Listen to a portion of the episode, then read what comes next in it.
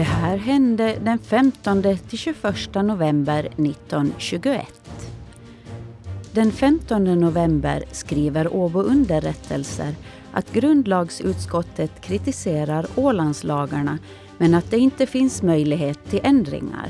Obekantskap med hos oss rådande sedvänjor, delvis även med förhållandena här, har säkert främst vållat att ifrågavarande bestämmelser i vissa avseenden blivit otillfredsställande.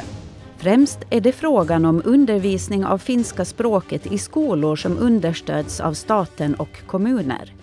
Åland skulle få undantag men det stred mot den gällande lagstiftningen ansåg utskottet.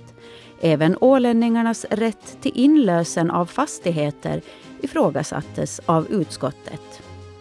Skribenten konstaterade att eftersom Finland redan godkänt allt detta i samband med rådslaget till Nationernas förbund kan det inte komma i fråga om att nu underkänna det.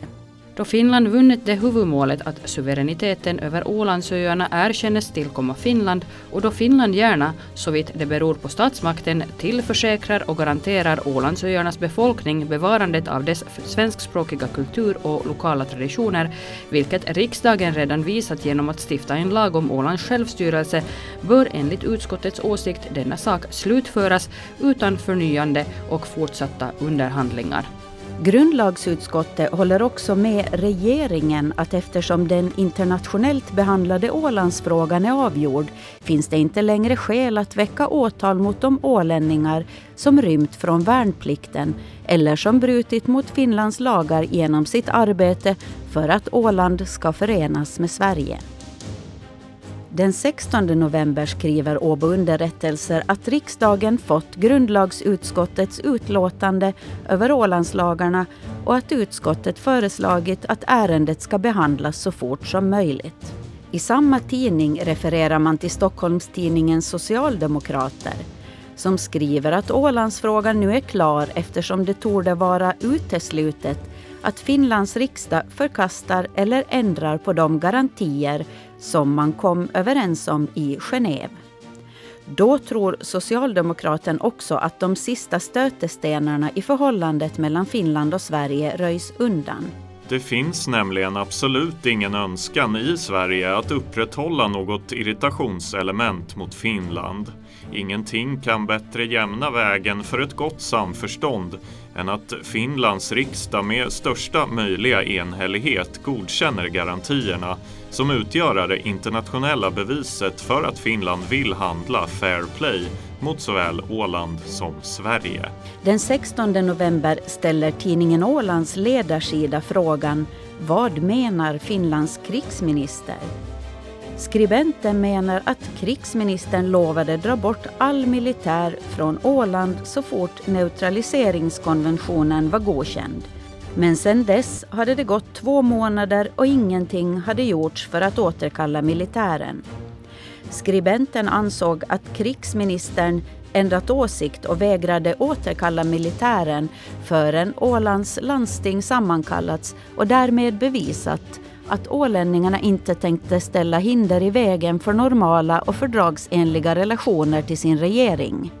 Skribenten kallar krigsministerns åtgärd för politisk påtryckning. Ur åländsk synpunkt skulle ett omedelbart bortkallande av den finska militären gjort ett gott intryck och varit ägnat att jämna vägen för normala relationer medan truppdelarnas kvarhållande motiverat med krigsministerns dolda hot har en motsatt verkan. Texten avslutas med vi konstaterar till sist att finska krigsministerns ovan berörda hotfulla uttalande överallt på Åland framkallat en lättförklarlig förbittring. I samma tidning finns en insändare som fått rubriken Finskt eller svenskt. Skribenten skriver att kampen för svenskhetens bevarande förlorades. Men hen anser att ålänningarna inte ska luta sig tillbaka och låta förfinskningen breda ut sig. Det måste vara och förbliva en hederssak för varje ålänning att i allt sitt görande och låtande ställa svenskhetsintresset främst. Skribenten ser med äcklig förvåning på hur finska arbetare anställs och finska affärsfirmor gynnas. Varför vi gynnar finska affärsmän framom svenska? Vi har ju i alla kommuner egna handelslagsaffärer samt egna privathandlare. Dessa senare kunde vi väl reda oss förutan, men jag vet att de av dem som är ålänningar i allas vår hjärteangelägenhet tänkt och känt som vi andra. Skribenten kritiserar de privata handlarna och påpekar att där det är kvinnor som sköter affärerna i de privata inrättningarna anses lögn och förtal som de bästa vapnen mot konkurrenterna. Men hen väljer att lämna den frågan och gå vidare på temat finsk konkurrens. Ålänningarna talar om de finska affärernas billiga priser och konkurrensstyrka. Skribenten menar att man vet vad som kommer att hända om man inte tänker efter. Jo, vi gynnar en finne här och en annan där. Det är obelåtna belåtna med det ekonomiska folket. De stanna och utvidga sina affärer, anställa finsk personal och så en vacker dag vinna de alla hemortsrätt samt deltagande i kommunala och politiska val och underlätta på så sätt förfinskningsplanerna.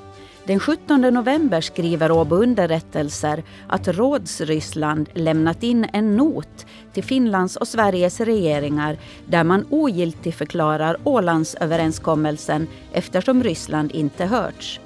I noten uttrycker man sin förvåning över att Finland, som man är sammanbunden med genom fredsfördraget, genom vänskapsband och ömsesidig högaktning av varderas rättigheter, kunnat delta i detta. Ryssland tolkar Sveriges och Finlands handlingar som fientliga. Den svenska tidningen Socialdemokraten skriver att det är orimligt av Rådsryssland att begära att man ska vänta med att göra upp om Ålands neutralisering till det ovissa datum då Rådrysslands regering erkänts av alla Europas makter. Den 19 november skriver tidningen Åland i sin ledartext att de svenska och finska huvudstadstidningarna kritiserar Ålands landstings beslut att förbereda en allmän åländsk protest mot Högsta domstolens dom i högförräderimålet mot Carl Björkman och Julius Sundblom. Det faller inte väl i åländsk jord där man vill ta bort fläcken på Björkmans och Sundbloms namn. I samma tidning finns det officiella protokollet från förhandlingarna i Genève. Protokollet är från det första sammanträdet och tidningen lovar att även publicera protokollen från de övriga sammanträdena. Även Åbo Underrättelser ägnar ledartexten den 20 november till att kritisera krigsministerns dröjsmål med att dra bort militären från Åland. Skribenten menar att beslutet har väckt en pinsam uppmärksamhet vida omkring. Även om det är en liten militär styrka som finns på Åland utan någon praktisk betydelse är det ändå besvärande för relationen mellan Finland och Sverige. Man kan icke tänka sig något hållbart motiv för den lilla truppens kvarhållande på Åland medan man å andra sidan i dess snabba bortdragande skulle ha att se ett bevis på storsinthet och politiskt förstånd från Finlands sida. Krigsministerns hållning smakar sannerligen så mycket gammalt ryskt elände att man icke kan annat än beklaga att den kommit till synes. Men ledartexten ger också ålänningarna en känga. Skribenten menar att ålänningarna bedriver mycket dålig politik genom att inte acceptera det slutresultat som Nationernas förbund kommit fram till. Tyvärr har vi hört många yttranden från Åland som ger vid handen att befolkningen ingivits den föreställningen att Ålandsfrågan i själva verket icke vore avgjord eller i varje fall snart nog kommer upp igen. Denna villfarelse borde dock icke vara svår att utrota. Det var allt för den här veckan. Vi hörs igen nästa vecka. Jag heter Nina Smed.